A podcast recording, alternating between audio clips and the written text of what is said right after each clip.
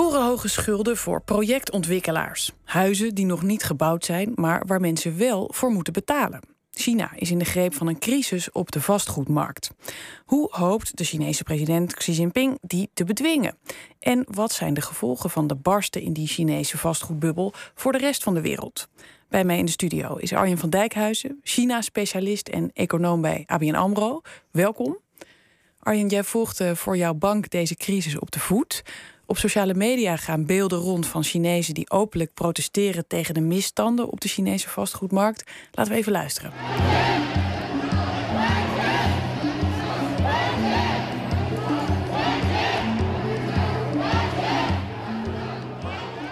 Ja, het lijkt me wel veelzeggend dat in het strak geleide China mensen de straat opgaan. Um, kun je eens uitleggen waarom zijn mensen zo boos? En hoe bijzonder is het dat ze dus durven protesteren?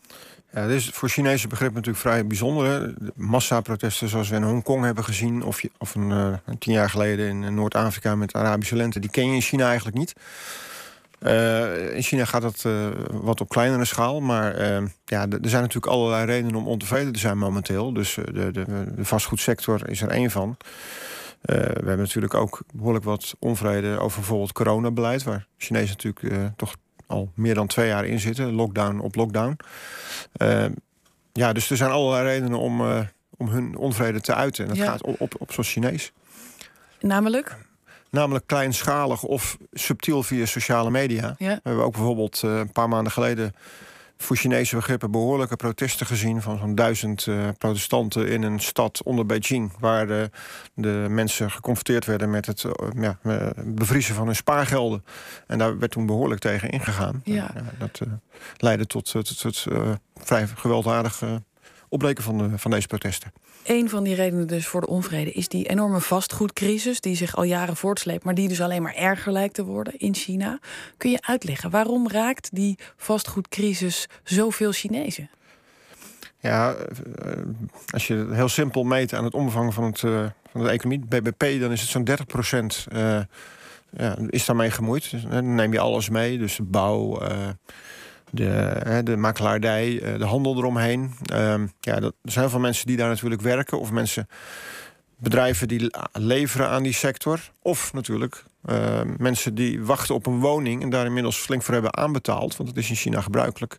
Ja, als je dan uh, ja, geen uh, je ziet dat die projecten stil komen te liggen, dan ben je natuurlijk niet blij. Nee, dus als ik je goed begrijp, de Chinese economie is voor zeg een derde afhankelijk van deze vastgoedwereld eigenlijk. Als je alles meeneemt, ja, grosso modo, ja. En nou begrijp ik dat overal in het land nu de bouw stil ligt, omdat er dus geen geld meer is om, om nou ja, die woontorens en kantoorpanden af te maken.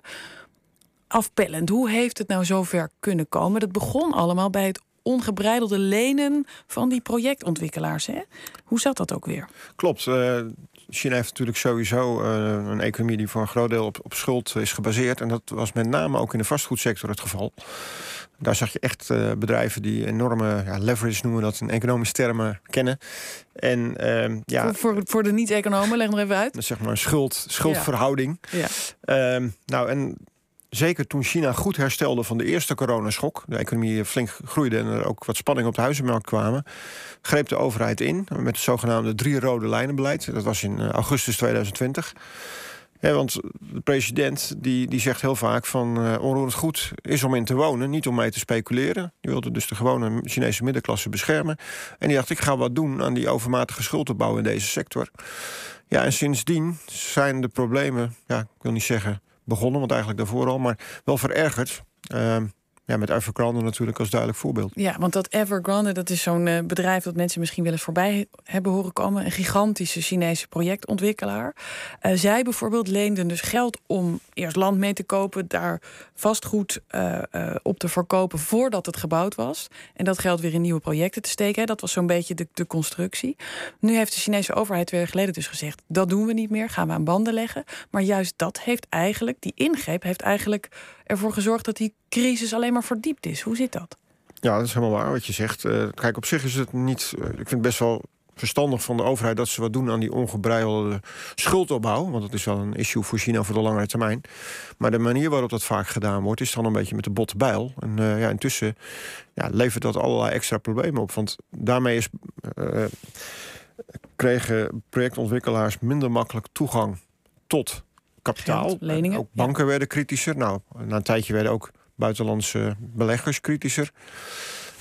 Ja, en daarmee uh, ontstonden er uh, problemen, financieringsproblemen. En, en kon, dus, kon men dus ook niet verplichtingen aangaande bestaande bouwprojecten ja, nakomen. Ja, dus er werd nog minder gebouwd. Mensen die inmiddels uh, moesten betalen voor hun huizen, waar ze dus nog niet eens in konden wonen, weigeren dat nu. Dus wordt gestaakt uh, met, met de hypotheekbetalingen. En dat verlamt eigenlijk de hele vastgoedsector. Hoe zit dat? Dat klopt. En uh, laat, laat, ik zo zeggen, er is ook nog een ander probleem bijgekomen. Dat is het coronabeleid.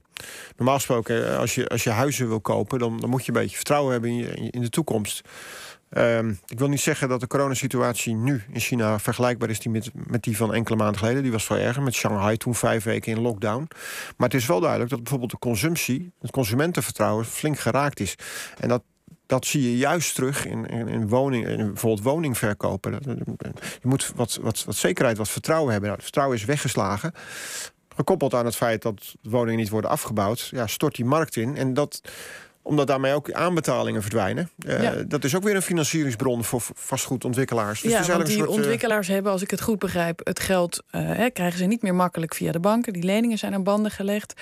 Um, maar tegelijkertijd um, zijn er dus steeds minder particulieren... die willen betalen voor het huis dat ze nog niet hebben. Kortom, dat ligt stil, dat hele, dat hele bouwproces. Um, dan de grote vraag. Je zegt het is een hele belangrijke sector voor die Chinese economie. Wat merkt Europa nou van deze vastgoedcrisis in China? Ja, het, bijzondere is dat uh, normaal gesproken zou natuurlijk. Uh, uh, zou, zou, voor de wereldeconomie zou een vastgoedcrisis in China niet, niet, niet positief zijn. Dat is het in zekere zin nu ook niet, want ik denk dat dit ook nog veel. We zijn hier nog niet van af.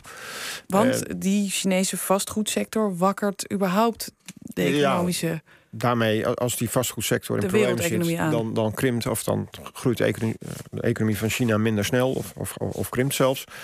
En dat raakt weer de, export, de importvraag van China, dus daarmee onze bedrijven. Alleen het bijzondere natuurlijk nu is dat we mondiaal een enorme inflatiegolf kennen. En dat je kunt zien dat mede door de afgenomen vraag vanuit China bijvoorbeeld bepaalde grondstoffen nu juist alweer gaan corrigeren. Dus in die zin heeft het ook een, eh, een positieve uh, kant dat uh, China nu niet, nu niet te snel groeit. het draagt bij aan het wat temperen van die, van die mondiale inflatieimpulsen. Hmm, maar goed, intussen, hè, voor de lange termijn zeg je, is het wel degelijk schadelijk. Um, wat zou China nou moeten doen om het land uit die vastgoedcrisis te helpen? Ze hebben het geprobeerd twee jaar geleden. Klopt. Ik denk dat, nou, om het vastgoed zelf te beginnen, al, al denk ik dat ze meer moeten doen om het vertrouwen terug te krijgen. Dus uh, meer moeten inzetten. En ze zijn er ook wel mondjesmaat mee bezig. Om ervoor te zorgen dat die bouwprojecten wel afgebouwd kunnen worden. Hè. Dus er wordt ook al extra leningen worden verstrekt aan gezonde projectontwikkelaars. Of er wordt bijvoorbeeld worden garanties afgegeven voor uitgifte van schuldpapier door gezonde ontwikkelaars. Of lokale overheden worden in staat gesteld om op regionaal of lokaal niveau wat, wat te doen. en dat, daar moet men mee doorgaan. Want het is een vertrouwensissue. Hè. We kennen van vertrouwen dat uh, komt te voet en, gaat te paard. Nou, dat, dat geldt hier ook. Je moet, je moet zorgen dat mensen weer durven kopen. Hmm, maar goed, de Chinese regering, in het bijzonder de Chinese president, uh, staat natuurlijk ook wel onder druk. Want hè, binnen een maand, geloof ik, hoopt hij te worden herkozen op het uh, partijcongres. Zie je hem op korte termijn met maatregelen komen? Ja, ik zie, men is al bezig de afgelopen maanden, maar men, men, blijft een beetje voorzichtig, omdat men ook weer niet terug wil naar vroeger. Men wil niet weer terugschieten naar dat, dat alles maar kon en dat het weer allemaal op schuld gebaseerd is. Of men wil ook niet de boodschap afgeven Juist daarom, van wij redden het, hè, wij, wij, lossen het probleem wel op als er een probleem ontstaat. Dat is zeg maar de, de afweging die men maakt. Dus daarom gaat het allemaal vrij voorzichtig. Maar ik denk ook wel dat de president uh, straks uh, niet al te slechte economische cijfers wil laten zien. Uh, dus hij zal ja, straks over binnen een maand. Dat is, is al vrij snel, dus hij zal wel wat moeten. En datzelfde geldt, denk ik, voor, wat, voor, voor COVID-beleid. Daar zal China op een gegeven moment ook wel wat mee moeten. Dat kan ook niet zo doorgaan. Over een uh, maand dus, dan weten we meer. Dan is dat partijcongres aanstaande daar in China. Hartelijk dank voor nu, Arjen van Dijkhuizen van ABN AMRO... over de vastgoedcrisis.